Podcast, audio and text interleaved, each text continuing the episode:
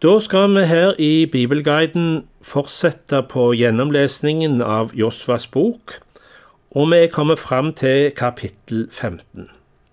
Her fortsetter fordelingen av landet mellom de forskjellige stammene av Israels folk. I kapittel 14 hørte vi at fordelingen skjedde ved loddkasting, men først fikk Caleb sin del etter et spesielt løfte. Når vi nå går inn i Josva kapittel 15, så får vi først høre at Juda får sitt landområde med loddtrekning.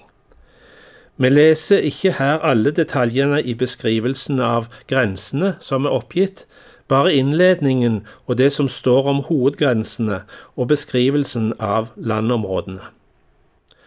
Josva kapittel 15 vers 1-6 og så vers 12. Ved loddkastingen fikk Judas stamme slekt for slekt området fram til Edoms grense ved Sinørkenen lengst i sør. Sørgrensen går fra enden av Saltsjøen fra den søndre Viken og fortsetter sør for Akrabimskaret over til Sin og videre oppover sør for Kaders Barnea, forbi Hesron opp til Addar. Der gjør den en sving mot Karka, går forbi Asmon, når fram til Egypterbekken og går ut til havet. Dette skal være grensen mot sør. Østgrensen er Saltsjøen opp til Jordans utløp. Grensen mot nord begynner ved den viken av Saltsjøen som Jordan renner ut i, og går til Bet Hogla og nord for Bet Haraba opp til Bohans stein. Så kommer det et innskudd i teksten om tildelingen til Judas stamme. Her får vi høre hvordan Caleb inntok det landet han var lova, og vi merker oss at disse spesielle områdene og byene lå inne i området til Juda. Dette var en spesialløsning som gjaldt Caleb, og vi skal seinere høre at slik fikk òg levittene sine byer. Vi får òg en liten fortelling om hvordan Kalebs datter, Aksa, blir lova bort til ekteskap. Vi leser Josfa kapittel 15, vers 13-19. Kaleb inntar sitt landområde.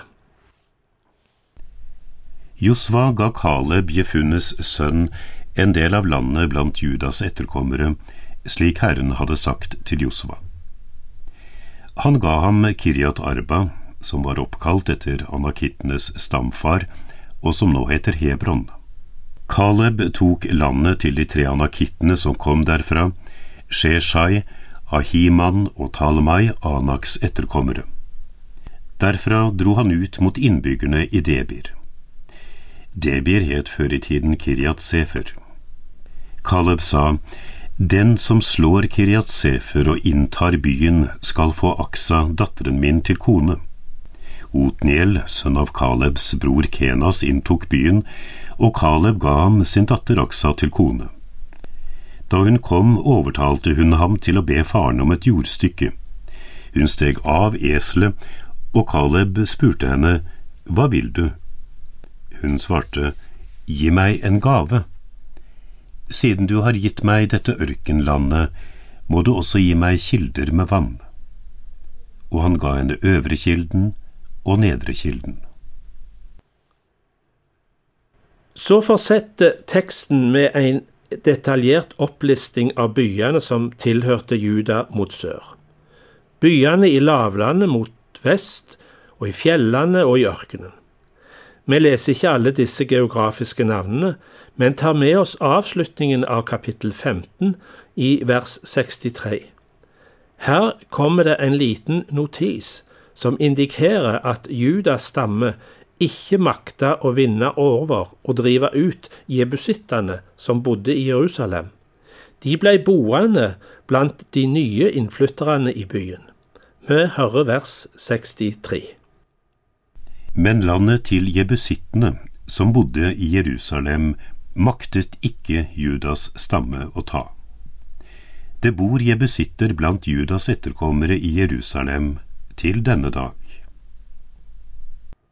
Slik har vi nå hørt at Judas stamme fikk tildelt sitt landområde, og at Kaleb fikk byer og land innenfor deres område.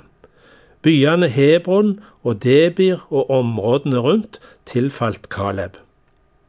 I neste utgave av Bibelguiden skal vi høre hvordan Josef stamme med de to slektsgreinene Manasseh og Efraim fikk sine landområder.